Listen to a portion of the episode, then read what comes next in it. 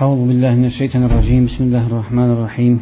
الحمد لله رب العالمين والعاقبة للمتقين ولا عدوان إلا على الظالمين. والصلاة والسلام على رسولنا محمد وعلى آله وصحبه أجمعين. وبعد السلام عليكم ورحمة الله وبركاته.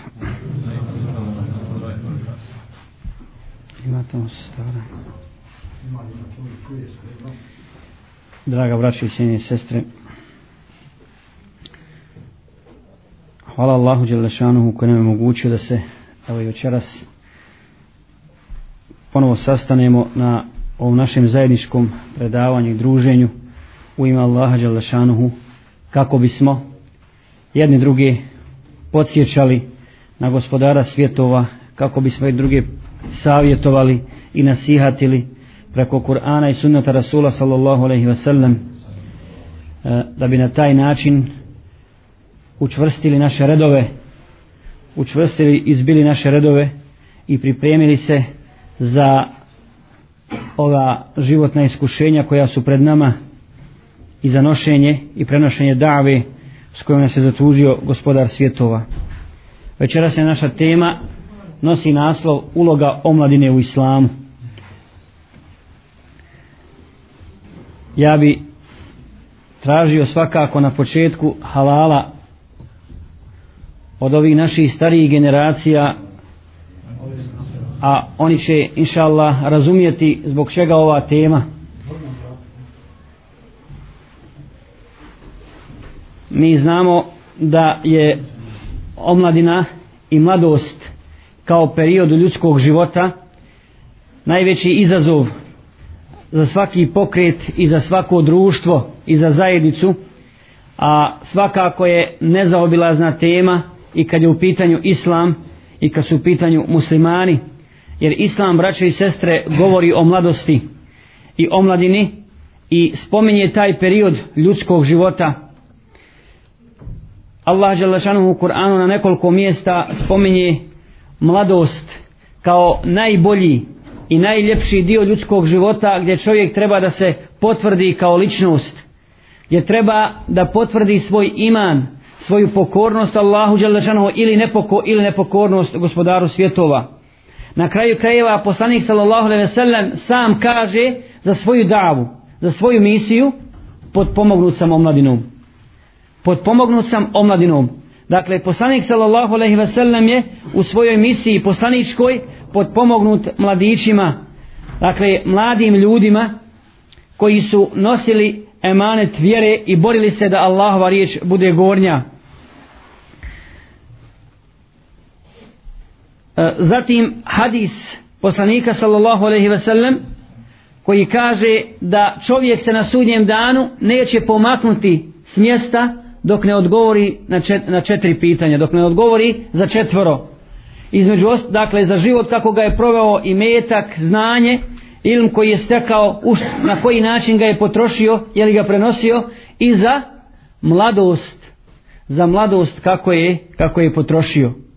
Dakle, mladost je poseban dio ljudskog života kada je čovjek najjačiji, najsnažniji i fizički i psihički i ako tada ne iskoristi tu svoju mladost u dobru, ako je ne iskoristi na Allahovom putu, onda je njegov život u znaku, u znaku propasti i u znaku lošeg kraja, lošeg završetka. Mi smo rekli da je omladina u vrijeme Rasula sallallahu alaihi ve sellem odigrala veliku ulogu i bila je prethodnica u islamu. Zato nas još više raduje saznanje da u našem vremenu, alhamdulillah, kad je u pitanju vraćanje vjeri, omladina prednjači. Omladina prednjači. Do juče su naši stari, oni koji su bili i klanjali, obavljali namaz, koji su bili u džamijama, govorili za omladinu pogledajte šta rade. Evo i piju. E, neće na namaz neće islam. Rade sve i svašta. Danas je obrnuto. Osim onih kojima se Allah smilovao.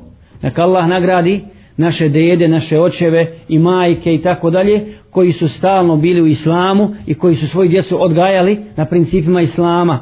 Međutim danas omladina koja je juče bila krenula stramputicom ima problema sa svojim roditeljima kad hoće da poziva u islam, kad hoće da se vrati, vrati istinski Kur'anu i sunnetu, dodijao porok, dodijalo sve ono što ne valja, duša hoće samo istinu i mlad insan, pismen, školovan, hoće da se vrati vjeri.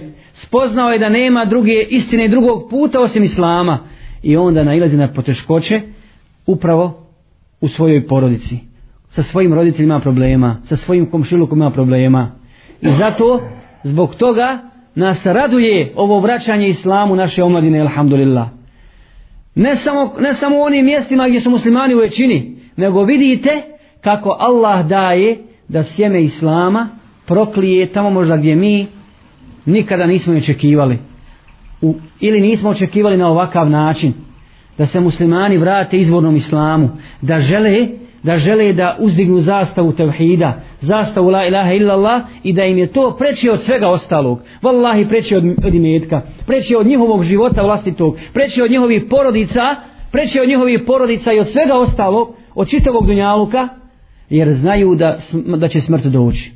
Da će smrt doći. Niko je ne može izbjeći. Znate kako je jedan učenjak opisao smrt? Odnosno kako je opisao dunjaluk? Kaj je dunjaluk je, ovaj svijet je poput jedne duboke velike jame. Na dnu te jame nalazi se zmija. A na vrhu je lav. Niz tu jamu je spu, o, spušteno uže konopac na kome visi čovjek. A niz taj konopac stalno idu dva miša, crni i bijeli i pregrizaju, pregrizaju konopac dok ne dođu do kraja. A u dubini te jame su pčele i med. I čovjeka je nikad se ne zaljulja s tim konopcem da uzme meda, a da ga pčele ne ujedu. Pa kaže, zmija, to je kabur. Simbolizira kabr, svak će u njega leći. Nema toga ako neće, leću kabr. A je lav koji čeka i vreba gore na izlazu jame je smrt a smrtne muke će svako okusiti. Konopac na kome visi čovjek niz tu jamu je njegov eđel, njegova dužina života. A ona dva miša crni i bijeli su dan i noć. Prolaze ili prolaze, nestaju, odlaze. I tako skraćuju čovjekov eđel. A med koji se nalazi u dubini jame simbolizira ljepote Dunjaluka. Dunjalučke ukrase, I kaj nikada čovjek, a to mi svi znamo, nikada čovjek ništa od dunjaluka nije uzeo, ni zaradio, a da ga kakvo iskušenje nije snašlo i šepalo. Nikada s lahkoćom, ako nešto i zaradiš, posle toga optuga, posle toga bolest, posle toga smrt najbliži, posle toga, dakle, ne, mo, ne mogu se spojiti dvije radosti na, na, na dunjaluku. Poslije radosti žalost, poslije žalost radost i tako se smenji. Takav je, takav je dunjaluk. Zato omladina mora da iskoristi svoj život, svoj život u na Allahovom putu i prenešenju Allahove vjere.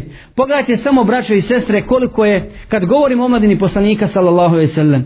šta je uradila ta omladina i kakvu je ulogu odigrala. Uzmimo samo Aliju radijallahu ta'ala. Da nabrojimo nekoliko tih mladića, tih mladića i djevojaka, odnosno ashaba i sahabi, ashabiki, koji su ponijeli bajrak Islama i bili u prvom safu, u prvim, rado, u prvim radovima. Alija je primio radi Allah islam u osmoj godini ili sedmoj godini. Kao dijete. Još kao zatim Sa'd ibn Abi Vakas Sa'd ibn Vakas primio islam jako mlad sa svojih 18 ili 19 godina i kaže za sebe pogledajte čime se ponosi jedan ashab kaže ja sam prvi gađao strijelom na Allahovom putu Ja sam bio prvi koji je gađao strelom na Allahovom putu. Dotad je gađao u mušičkim redovima, dok nije došao poslanik sa veselem, ali kao musliman, prvi mladić koji se bori, koji je gađao strelom na Allahovom putu. Zatim Zubeir, pa Erkam ibn Abi Erkam. Vi zna, čuli smo svi vjerovatno kroz siru za kuću Erkama ibn Abi Erkama. Koliko je imao, znali neko, Erkam ibn Erkam godina kada je poslanik sallallahu alaihi sallam u njegovoj kući okupljao muslimane. Tajno. Tajno je okupljao. vjerovatno nećete pogoditi. Imao je 16 godina. 16 godina dječak i pogledajte ovo iz ovog trebamo da izvučemo još jednu pouku. Kako je poslanik sa selem izabrao kuću Erkama i Erkama za koju se mušici nikad nisu nadali da bi mogu poslanik sa selem tu da okuplja odakle pouka nama u davi. Mladić od 16 godina dijete primilo islam i vjerovatno su mušici mislili da se poslanik okuplja kod Ebu Bekra ili kod Omera u njegovoj kući ili kod ovoga sa onoga sahaba. Ne, nego kod dječaka od 16 godina i to koji nije kurejšija. Tako da njegovi saplemenici nisu ni nadali ni šekivali da mogu da bude u toj, u toj kući. Zatim, ostali ashabi kao što su Abdullah ibn Mes'ud, Abdullah ibn Abbas i tako dalje, svi su mladi primili islam. Tako da Džabir prenosi od Abdullahe da je a, rekao na Akabi, da je rekao Abdullah ibn Abbas, da, u stvari da je rekao Abbas, samiđa poslanika sallallahu kada je vidio ljude, nove muslimane, na prvoj zaklet na Akabi, kaže, ovo su ljudi koje ne poznajem. Ja i ne znam, ovo su mladići. Dakle, mladići koji su primili islam, koji nije poznavao, poznavao Abbas. Kakav se komentar odavde nameće i kakav zaključak? To je dokaz, braćo i sestre, da to što je omladina prihvatala islam tada, nije bilo slučajno. I nije bilo pojedinačno. Nisu to bili pojedinačni, pojedinačni slučajevi. Pogledajte, danas mnogi kažu, a i tada su govorili, omladina je povodljiva. Zbog toga prihvata davu. Zbog toga prihvata islam. Omladinu možeš kao okretati kako god hoćeš. Možeš mlad insan, ko mlada stabljika, okreći i obražuj kako želiš. I omladina kada brzo se povodi, ako je se svidi neki govor, ako se vidi ovo, ako se vidi i priđi. priđi. Ma makar, makar to bilo i naopako. Međutim, hoćemo da dokažemo preko, preko onaj primjera ashaba i prve generacije da to nije tako. Da to nije tako. Šta nam je dokaz? Šta je dokaz da ashabi kao mladići nisu primili islam tek tako? Iz radoznalosti. Da vide šta se krije u tome. Šta je to? Dokaz su iskušenja. Iskušenja koja su i posle toga snašla. Jel neko od njih odustu?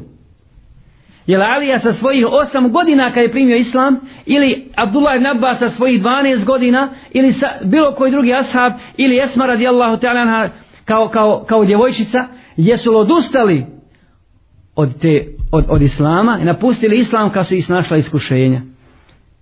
Nisu vallahi. Nisu vallahi nego su podnijeli najveća iskušenja.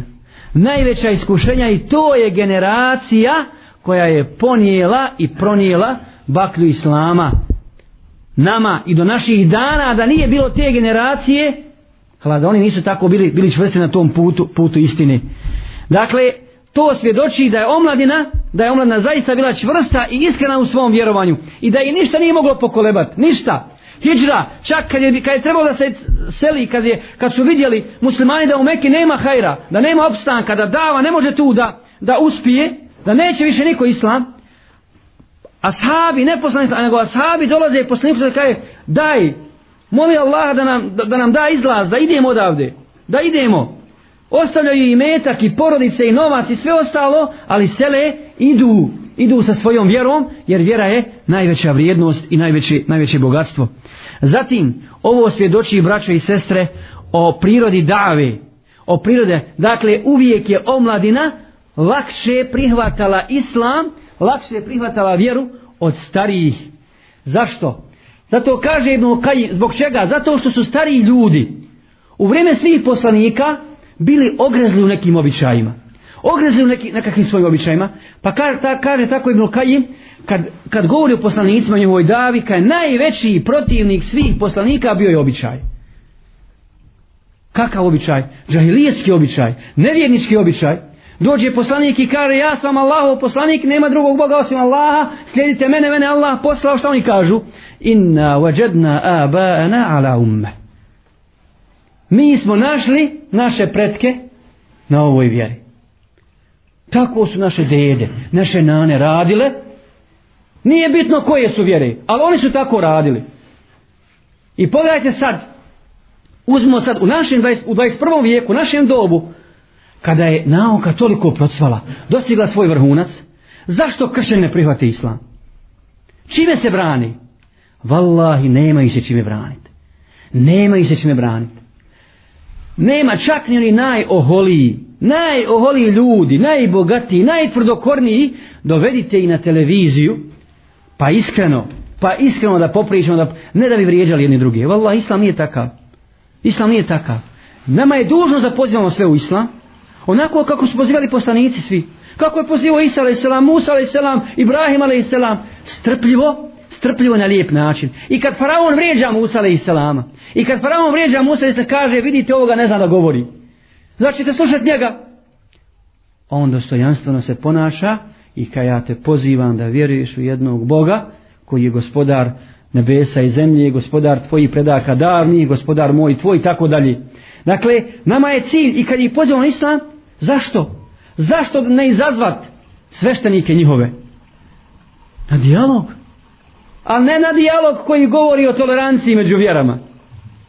Izjednačavanju islama i kufra. O izjednačavanju istine i laži. Ne. Hajmo dijalog. Knjige nas tu. Vi svoje, mi ćemo svoje. I Allah kaže sa sljedbenicima knjige na najljepši način raspravljajte. Ne želimo mi da, da aplauz na televiziji od nekoga, da smo do, pridobili. Ne, hoćemo istinu. Pa će, dakle, nemaju nikakve iz, nikakvog izlaza, nikakvog odgovora ni dokaza, a vidjeli ste ako se gledali kaseta Ahmeda Didata, da čak u crkvi, u crkvi poraž, poražava s jasnim dokazima, ne zbog toga što je on virtuoz, što je on pametan, i što, što iz svoje glave nešto izmišlja, nego na osnovu jasnih dokaza od gospodara svjetova ubjeđuje i i dovodi njihovog naj, među najpometnijim ljudima, nisu imali bolje, da su imali bolje, doveli bi ga. Tako da kaže, ovaj se ponaša kao nacistički isljednik. Jer nema kud. Doveo te, to je istina, to je hak. A ti obanješ svoj narod. A šta je, šta je odvratilo od toga? Običaji. Dede i nane to radili i mi hoćemo ovo. Mi hoćemo ovo. Pa zbog toga ćeš biti kažnjen. Zbog toga ćeš biti kažnjen. Zato smo mi danas na hudbi spomenuli jednu trojicu. Kada su primili islam šta kažu za Bilala? Vidi ga. Ne mogu da prihvatije tu stvar. Ne mogu da, dakle, stari, ne mogu, čak se spominje jedan hadis kojeg bilježi Ahmed, gdje kaže poslani ve sallam, uktulu šujuha al mušrikin, ostahju šarhahum. Kaže, ubijte starce mušrike, a ostavljajte žive njihove mlade. Zašto? Zato što ovaj starac koji nije primio do tada islam, Allah neće ga nikad primiti. A u mladićima možda ima hajra, možda ima hajra, možda s njima treba činiti, činiti davu. Zatim priješnje generacije. Uzmite Ibrahima a.s. Sa koliko je godina braća i sestri Ibrahima a.s. postao poslanik? Kažu mu Fesir da imao 16 ili 17 godina. 16 ili 17 godina kada je trebao da bude bačen u vatru. I kada je Allah Đelešanu ga pomogao s jasnim dokazima, spasio ga iz vatre, pa kulna ja naru kuni brdan wa salam. Ala Ibrahim šta kaže Allah šanu mi rekao smo o, na, o vatro budi hladna i spasonosna Ibrahimu. Vidjeli su to svi okupili, narod, okupili narode i bacili ga čak tolika, tolika i plamijen bio da se ga morali iz katapulta baciti. Iz katapulta ga morali baciti u vatru. Pa kaže Allah šanu i ne povjerova mu niko osim lut izvaljen iz vatre vidjeli to očit dokaz jasan ali narod nije povjerao, zaslijepljen. I kad im on govori, porazbio njihove ekipove. Pogledajte, čak i navodi na razumske do. Razumskim dokazima im govori da to nije ništa, da su to lažna božanstva. Ostavio najvećeg i sjekir objesio na njega i kad su došli, kažu, ko je ovo uradio? Pa kažu, ovaj vaš najveći. Vidite da je on polupao, sjekira na kod njega. I onda se oni skontali, kad je oborili svoje glave, vidi da je to hak, ali oholos ne da. Oholos ne da, Pa kaže, znaš li da oni ne govore, znaš li da oni ne jedu, znaš li da oni ne... Pa kako onda obožavate tu kamen? Pa kako onda možete obožavati? Dakle, mladić Ibrahim se suprostavlja, ali se nam suprostavlja širku. Zatim, Musa alaih selam, kao mladić dolazi i kuca sa svojim štapom na, na kapiju faraona.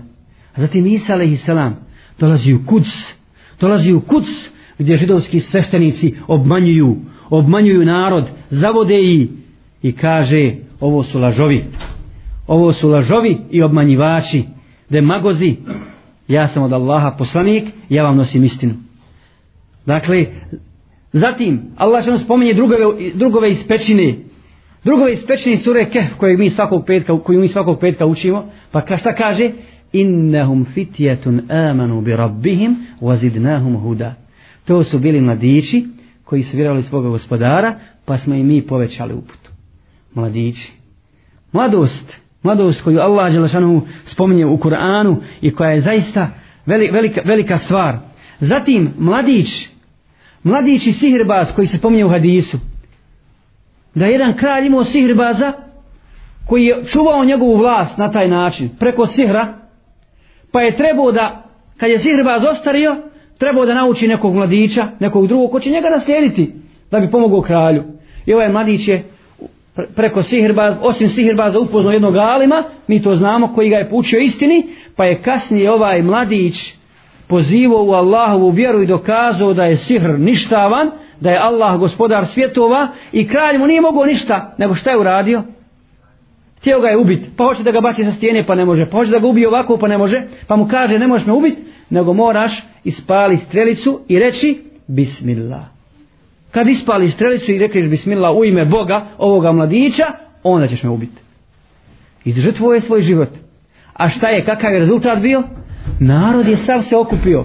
Narod se okupio i kad su vidjeli to, kad su vidjeli to, svi su primili islam. Svi su primili islam. Dakle, to je bitno. Bitno da preko nas, buduće generacije, ljudi koji mi pozivamo primije islam, a mi ćemo to islam naći na sudnjem danu, a svakako ćemo umrijeti. A svakako ćemo umrijeti, ne možemo se, ne možemo se spasiti. Dakle, takva je situacija, braćo i sestre, sa omladinom.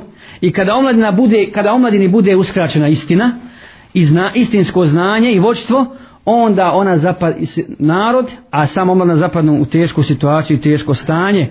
Mi znamo kakvo je stanje naše omladine bilo u vrijeme komunizma. Jeste vidjeli kako je, kako je onaj prokleti Tito bio zaveo omladinu? Zaveo je bio da su mu čak pripisivali na uzubillahi Allahova svojstva. Allahova svojstva. Pa su govorili šta? Mi smo učili u, u, u osnovnoj školi, ako postoji svjetlost i ako svjetlost ima ime, onda je svjetlost na uzubilah njegovo ime. Allahova svojstva, ili ako postoji vječnost, ja, ako postoji vječnost, on je vječnost, jel? Dakle, do, do, do božanstva ga dovodili. Bravara običnog. Koji je obanjivo nar. A vidjeli ste kad je, vidjeli ste kad je, ako folk potencira danas školovanje, a ko je vodio njih? Ko je vodio te narode? Priučeni bravar. I ne samo to, ne samo nego pokvarenjak. Pokvarenjak da mu nije bilo ravnog. Da mu nije bilo ravnog u tom vaktu. I dalje, a vidjeli ste kada onaj slovenski doktor koji ga je liječio, onaj slovenac, glavni primarijus kada na televiziji govori o njegovoj smrti. Kako ga je Allah ponizio. Da kaže, pitaju ga kako je umru, kaže, jeste li kada vidjeli ranjenu zvijerku? Jeste li kada vidjeli ranjenog medvjeda ili lava? Kako se dere, tako se on derao. I samo je govorio, aj, ubijte me. Aj, ubijte me. I kaj onda su predlagali, šta humanu smrt. I nekciju da mu složimo i da umre tako. Pa sam ja rekao, nemojte, prirodno je živio, nek prirodno i umre. prirodno živio. I tolika je obmana bila, vallah, ja se sjećam tada, da je nas učiteljica naša učila, kad mu je odsječena noga, došla je u razred i kaže, djeco, nemojte misliti i govoriti da je Tito odsječena noga. Njemu je noga amputirana. Kakva razlika, ali mi djeca ne znamo. Ne znamo što znači. Ja amputirana mu noga. A nije osjećena. Nije, nije osjećena. Dakle, obmana, potpuna obmana. I vidjeli ste, vidjeli ste šta se desilo, šta se desilo poslije toga. Ali to je kad se zavede omladina. Pogledajte kako čovjek koji je nevjernik, koji je nevjernik, kako zavede narod. Kako zavede narod?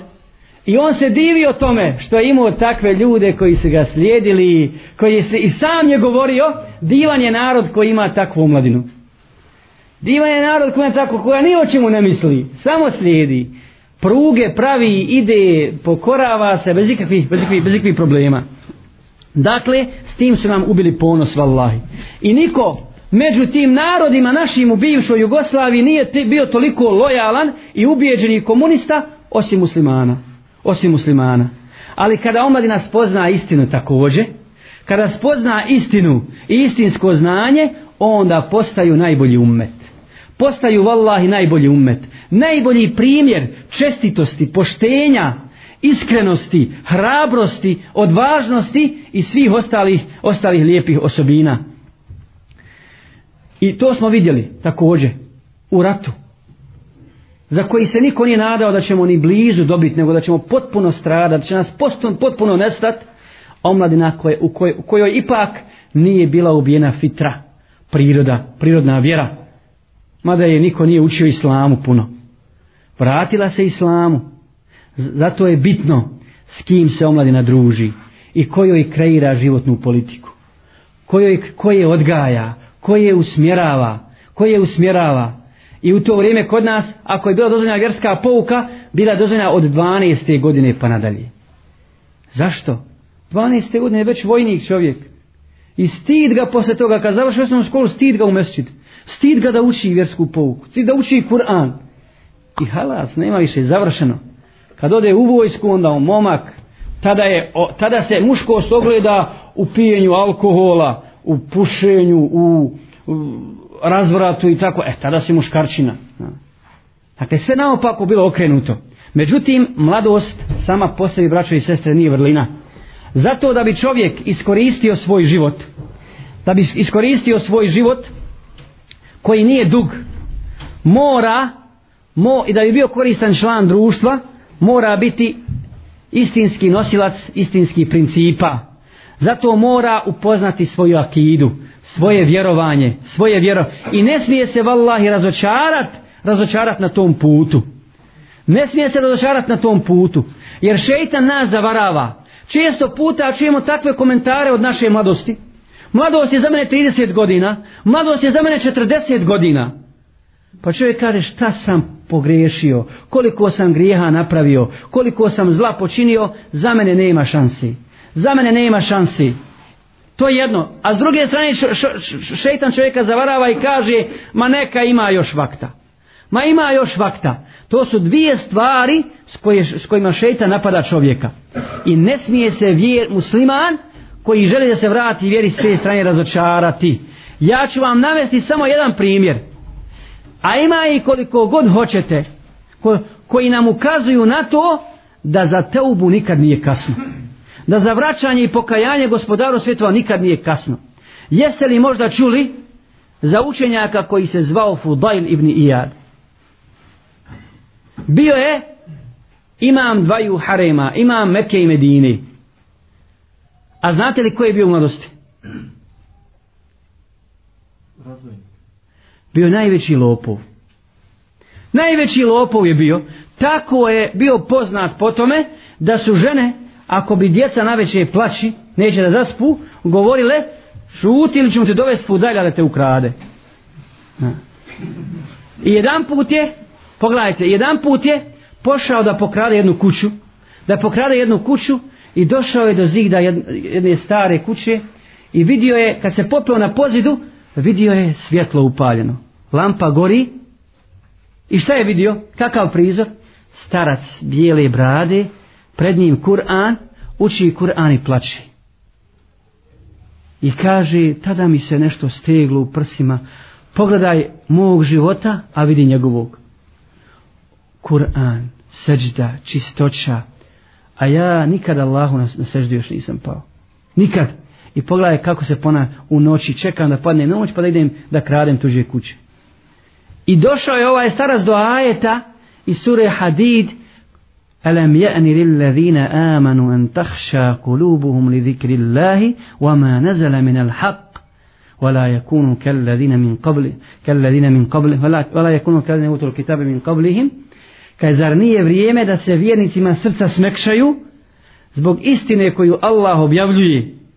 I kad se Allahu ime spomeni i počeo je da plaće ovaj mladić plakao je i otišao je odatle, nije uradio ono što je naumio, nego se vratio kući, okupao se, okupao se i otišao u mesčit.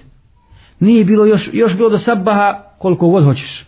Cijelu noć je klanjao i badetio, plakao na seđdi. Kad su ljudi došli u džamiju i ugledali ga, posumnjali su. Ali što će ovaj u džamiji, sigurno je nešto, nije nešto u redu. Ne? Kasnije su vidjeli da se ovaj čovjek posvetio ibadetu, učenju, nauci i postao je imam, odnosno glav, šejih i Mekke i Medine. I kaže Ibn Tejmije, šejih Islam Ibn Tejmije, bilo je ljudi koji su umirali od straha od Allaha žalno seđdi. A jedan od njih je sin Pudagarni Jada. Ali, imao je sina Aliju i kaže kad bi god dođu u Medinu, Allah ga počastio i znanjem i, do, i dobrom djecom Kad bi god dođe kao u, u, u mesčit, okreni bi se i vidi ima njegovog sina u safu. Ako bi ga vidi, ne bi nikad učio ajete o džehennemu. I on se odmah ne svijesti o strahu. Jedno jutro došao na sabba, došao je na sabba i nije ga primijetio i učio je suru Safat. I došao do ajeta وَقِفُوهُمْ إِنَّهُمْ لَمَسْئُولُونَ Zaustavite i oni će biti pitani. I kad je samo je čuo da je nešto palo u safu. Kad je predao selam, prilazi mu čovjek i kaže Ja šejh, tvoj sin je umro. Umro na namazu. Pa kaže Alhamdulillah. Alhamdulillah. Onda su pitali Ibn Taymi subhanallah kako kaže kako nije plakao on za svojim sinom, a poslanik se se ne plače za svojim sinom Ibrahimom. I on kaj je pobožio od, od poslanika sa veselem, pa odgovara Ibn Tejmije mudro. Kaže ovaj čovjek je kao učenjak i kao pobožnjak kod sebe sakupio samo neka svojstva. U ovom slučaju svojstvo sabra. Saburo je na iskušenju koje ga je pogodilo. A poslanik sa veselem je bio savršen čovjek, pa je imao i samilosti prema, prema djetetu i zato je pustio suze. Osim sabra poslanik ima, ima i samilost. Dakle, primjer čovjeka kako se može vratiti istinski Allahu Đelešanuhu i ne samo vratiti, nego postati najpoznatiji učenjak. Ne zbog toga što ti je to želja, nego zbog toga što hoćeš preko toga da postigneš da ostvariš svoj cilj, a to je, a to je ahiret. To je ahiret. Zato je potrebno upoznati ispravnu akidu. Da bi čovjek mogao da ide tim putem, mora upoznati ispravnu akidu, ispravnu vjeru. A kako ćemo je naučiti? Gdje ćemo je naučiti? Preko Kur'ana i sunneta poslanika s.a.v. Wallahi Allah želešanuhu je ovome ummetu ostavio istinu.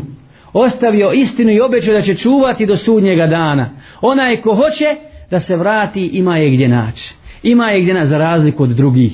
Za razliku od drugih koji mogu da grizu svoje prste, svoje prste od muke, a nemaju istine sa sobom. Jer su je sami iskrivili. Sami iskrivili pa sad pokušavaju da iskrive, da iskrive i jedinu priznatu kod Allaha vjeru i objavu, objavu Kur'an. Zatim, ono što će nas dovesti do našeg cilja jeste jasnoća cilja. Šta mi to hoćemo s našom vjerom? Šta mi, šta mi to hoćemo s našim učenjem? Šta mi to hoćemo s našim ibadetom? S našim ibadetom. Šta nas čeka posle iskušenja? Je li nama put kojim idemo jasan ili nam nije jasan? Šta kaže poslanik sallallahu alejhi ve sellem kad je naišao, kad je naišao pored porodice Jasirove. Jasir, Sumeja i Amar, njihov sin, muče ih, muče ih mušici.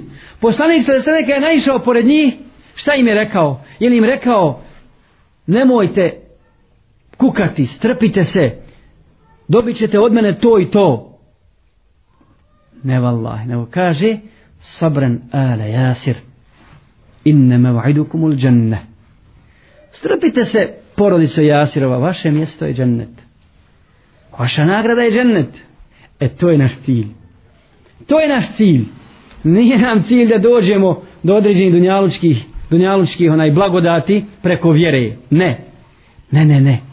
Jer nema većeg kriminala od trgovine vjerom. I ostvarivanja ciljeva dunjalučkih preko vjere. To je najveći kriminal. Veće je to razbojništvo od drumskog razbojništva. Nego preko vjere se postiže i ostvaruje ahiret. Zato je Allah što objavio, objavio islam. Zatim, da bi, da bi postigli naš cilj, moramo se dobro upoznati, poznati sa Kur'anom. Moramo se dobro upoznati sa Kur'anom, stalno ga učiti, stalno ga učiti, jer zaista kad razmišljamo o Kur'anu, o njegovim značenjima, povećava se, povećava se naš iman. Povećava se naš, naše ubjeđenje da smo na istini. Jer tu se govori o dokazima koje danas nauka potvrđuje. Koje danas nauka potvrđuje jer da Kur'an nije od Allaha.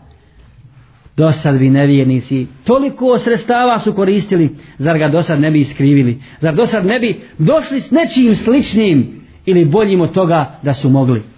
Da su mogli. Wallahi ne mogu. Ne mogu doći sa nečim sličnim. Kad nisu mogli doći Arapi mušrici, i zato se meni sviđa komentar onih tefsir, nik Allah zna samo što znači one kratice u Kur'anu, alif, lam, mim, ha, mim i tako dalje. Allahu alem što to znači, mi to ne znamo.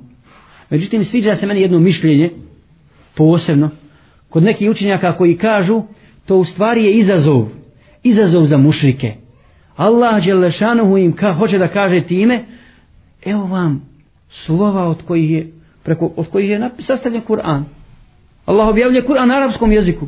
A vi ste najbolji pjesnici, vi ste najbolji književnici, vi ste poznati po tome. Zar od istih slova ne sastavljate pjesme? Pa što ne sastavite nešto slično? Haj sastavite nešto slično ako možete. Dakle, ne možete. I pokušavali su na razne načine da to pobiju, ali nisu, nisu uspjeli. Dakle, Kur'an je snaga. Wallahi. I kad ti se najviše stuži i stjesni u prsima, uzmi abdest i uči Kur'an. Uzmi abdest i uči Kur'an. I Allah će ti podariti preko toga, preko toga milost. Preko toga milost. Jer Kur'an je duhovna snaga i lijek i za, za dušu i za dušu i za tijelo. Zatim, traženje i sticanje znanja. Traženje i sticanje zna, istinskog znanja, šerijatskog znanja prije svega, a onda i svakog korisnog znanja s kojim će čovjek pomoći vjeru, s kojim će pomoći, pomoći islam. Zatim, ibadet, ibadet gospodaru svjetova. Ibadet gospodaru svjetova.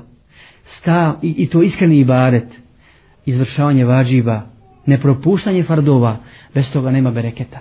Ne ima vallahi. Ja ne znam, jesmo li spominjali neku veće slučaje Hanife? kada je on došao jednu večer na jaciju, namaz, i imam je, šta znači istinski ibadet?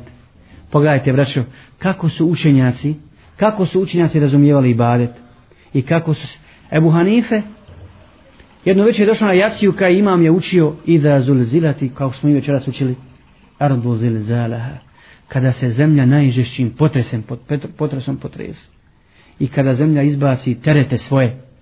A šta znači to kada se zemlja najžešćim potresom potrese? Stoji u tefsirima da će Allah želžan narediti meleku Israfilu koji je zadužen za puhanje u sur da trese zemlju od istoka do zapada i treše se, treše se dok na njoj sve ne uništi. Dok se sve ne poravna. Dok se sve ne poravna. I kaže poslanika sa sve kad bi upitali, kad bi, kad bi ga vidjeli zabrinuto, kaže što si zabrinut? Kaže kako da ne budem zabrinut? A Melek Israfil je, uperi, je drži u svojoj desnici sur u kojega treba da puhne i kad neprestano gleda u arš a glava mu ispod arša, gleda u arš i sluša kad će doći naredba da puhne u sur. Da puhne u sur. Wallahi, wallahi, ovi ajeti su veliki i za nas veliko upozorenje. Za nas veliko upozorenje. I kaže se u, u Ibn Dževzi spominje u, u, u tefsiru ovih ajeta, kaže kada Israfil puhne u suri, kada sve živo pomre, kada melek smrti, oduzme svima duše, ostaće još ko? Ostaće meleki, Džibril, Mikail, Israfil i melek smrti. Pa će Allah upitat meleka smrti, ko je još ostao? A on će nabrojati ove meleke i naredit će Allah, uzmi im dušu. U smrti! Pa kada je usmrti, pitat će ga Allah, ko je još ostao? A on će reći, pazite, melek smrti. Melek smrti će kadat, ostao je gospodaru još tvoj siromašni rob melek smrti. Pa će mu Allah reći, ti ćeš sada kušati od mene ono što su drugi ljudi kušali od tebe. I naredit će mu da ode između dženneta i džehennema i da umre.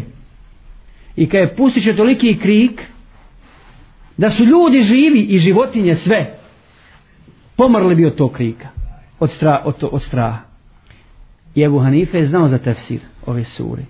I kada je učio, kada imam završio, svi su ljudi otišli iz džamije, a ovaj ko, ko prenosi, Jezid ibn Harun, prenosi ovu, ovu predaju i kaže, ja sam gledao Abu Hanifu, on se nije micao, samo je duboko uzdisao i razmišljao o tome. I ja sam izišao iz džamije, napustio sam mešit, otišao sam kući da spavam, pa ću se vratiti na sabah jer sam bio mu jezin te džamije. Kad sam došao na sabah, zatekao se Abu Hanifu u istom položaju. U istom položaju.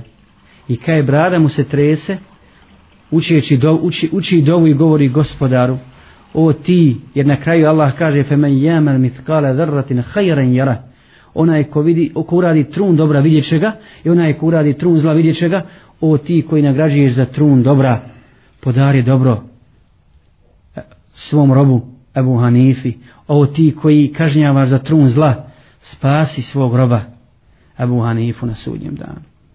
I kad ja sam posle toga proučio ezan i uzeo svijeću i kaže što gasiš svijeću, što mi uzimaš svijeću, pa kaže ja sam učio ezan, sabah, sad će ljudi doći, kaže zar je već svanulo.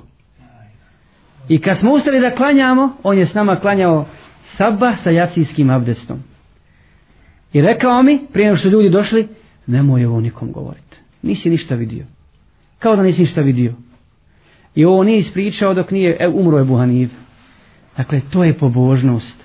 To je ibadet. I zato je Allah uzdigao spomena te ljude. Zato je Allah uzdigao spomena te koji su razumjeli Kur'an, razumjeli sunnet poslanika s.a.v. A ko nas je naučio tome? A kako je poslanik s.a.v. doživljavao ibadet? Kako je poslanik s.a.v. doživljavao ibadet? Kaže Aisha radijallahu ta'ala jednoj predaji, kada je dola, jedno večer sam osjetila da nema poslanika u mojoj postelji. Nema postelji. I kada je pomislila sam šta? Otišao je svojoj drugoj ženi. Otišao nekoj drugoj svojih žena. Pa me ljubomora snašla. Zašto mi to radi? I onda sam ušla u mesčid i zatekla ga da klanja. Klanja u mesčidu poslanik sallallahu i plače. Plače dok uči, uči dovu i govori subhanak Allahumma wa bihamdik. Subhanak Allahumma wa bihamdik. A suze mu se slijevaju niz bradu i kaže Aisha nek te Allah nagradi. Kaj ja sam razmišljala o sasvim nečem drugom, a ti se posvetio i badetu gospodaru svijetu.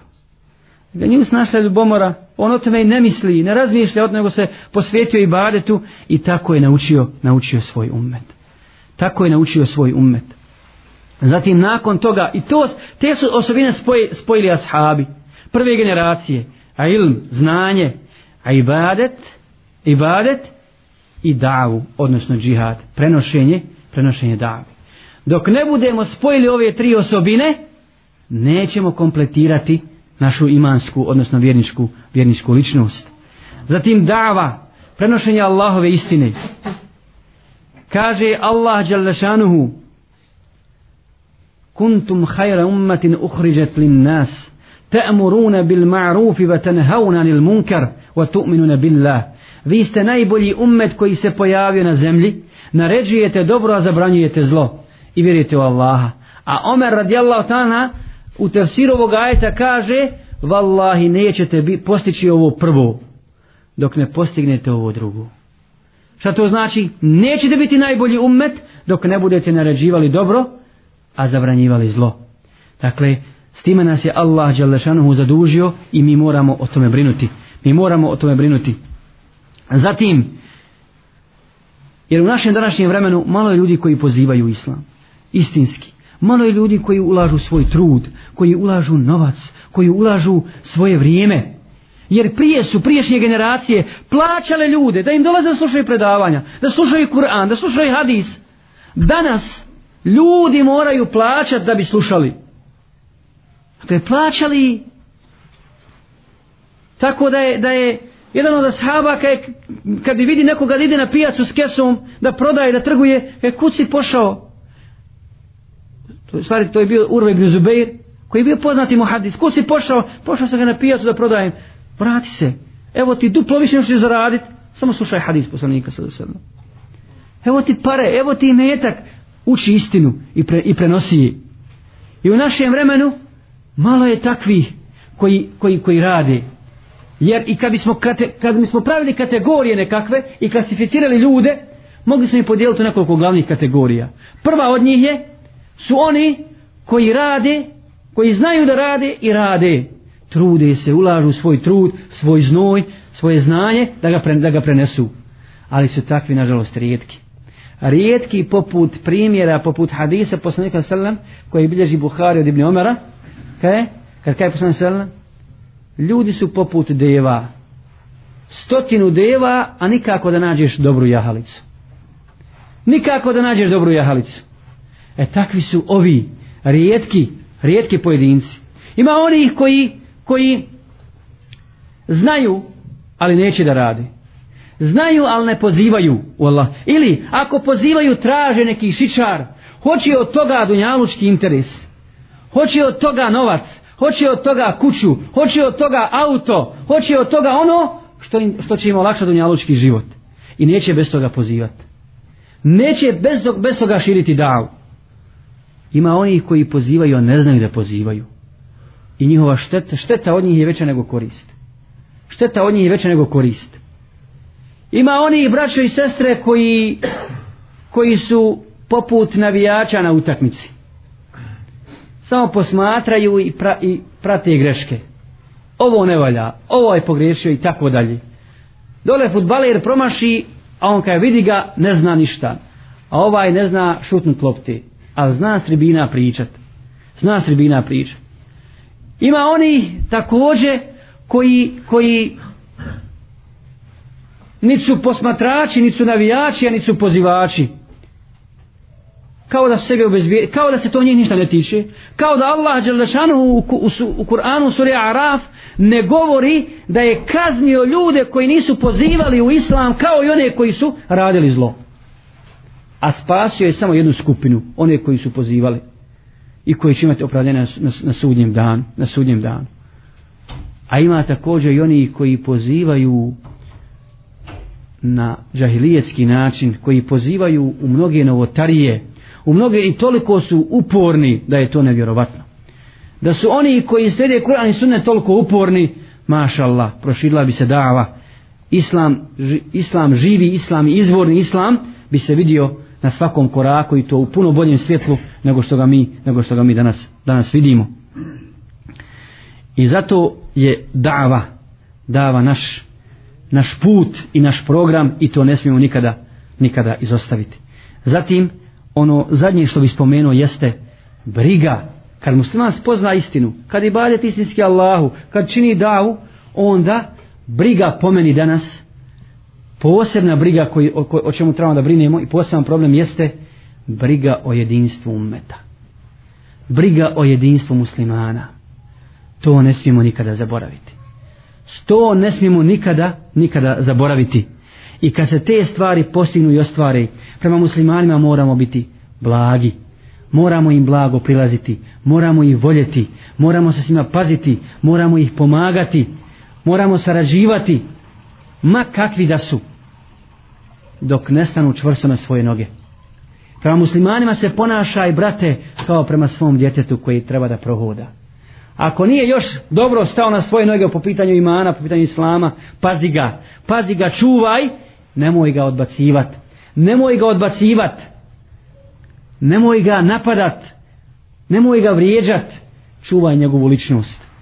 I čuvajte jedinstvo muslimana, ali zasnovano na Kur'anu na sunnetu, jer muslimani su braća, a danas vidimo koliko lešinari su se i kakvi se lešinari su se okomili na ovaj ummet, okomili na muslimane, da ih pojedu, da ih unište, da ih, da ih istrijebe i da ih obešćaste i ponize, a muslimani se međusobno gložu, međusobno se gložu, svađaju, prepiru, ubijaju, razdvojeni su, rastureni, zajed, možemo doživjeti i doživljavamo takve trenutke da klanjamo u istom safu, klanjamo u istom safu sa muslimanom, a mrzimo se, a mrzimo se i gledamo jedna drugog, gledamo jedna drugog preko, preko oka.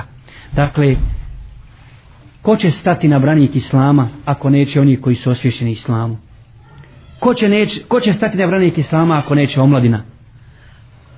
ko će braniti ovu vjeru ako neće mladost koja je spoznala istinu koja je spoznala istinu i koja pada Allahu Đelešanu na seđdu jer naš život treba da bude u znaku žrtve za Allahu vjeru ako želimo džennet i Allahovo zadovoljstvo to molim Allaha Đelešanu da nas uputi na pravi put da nas učvrsti na istini da nas pomogne u našoj davi da ujedini naša srca da poveća našu međusobnu bratsku islamsku ljubav da ubrza pobjedu istine da nam oprosti grijeh da nas uvede u džennet. Amin.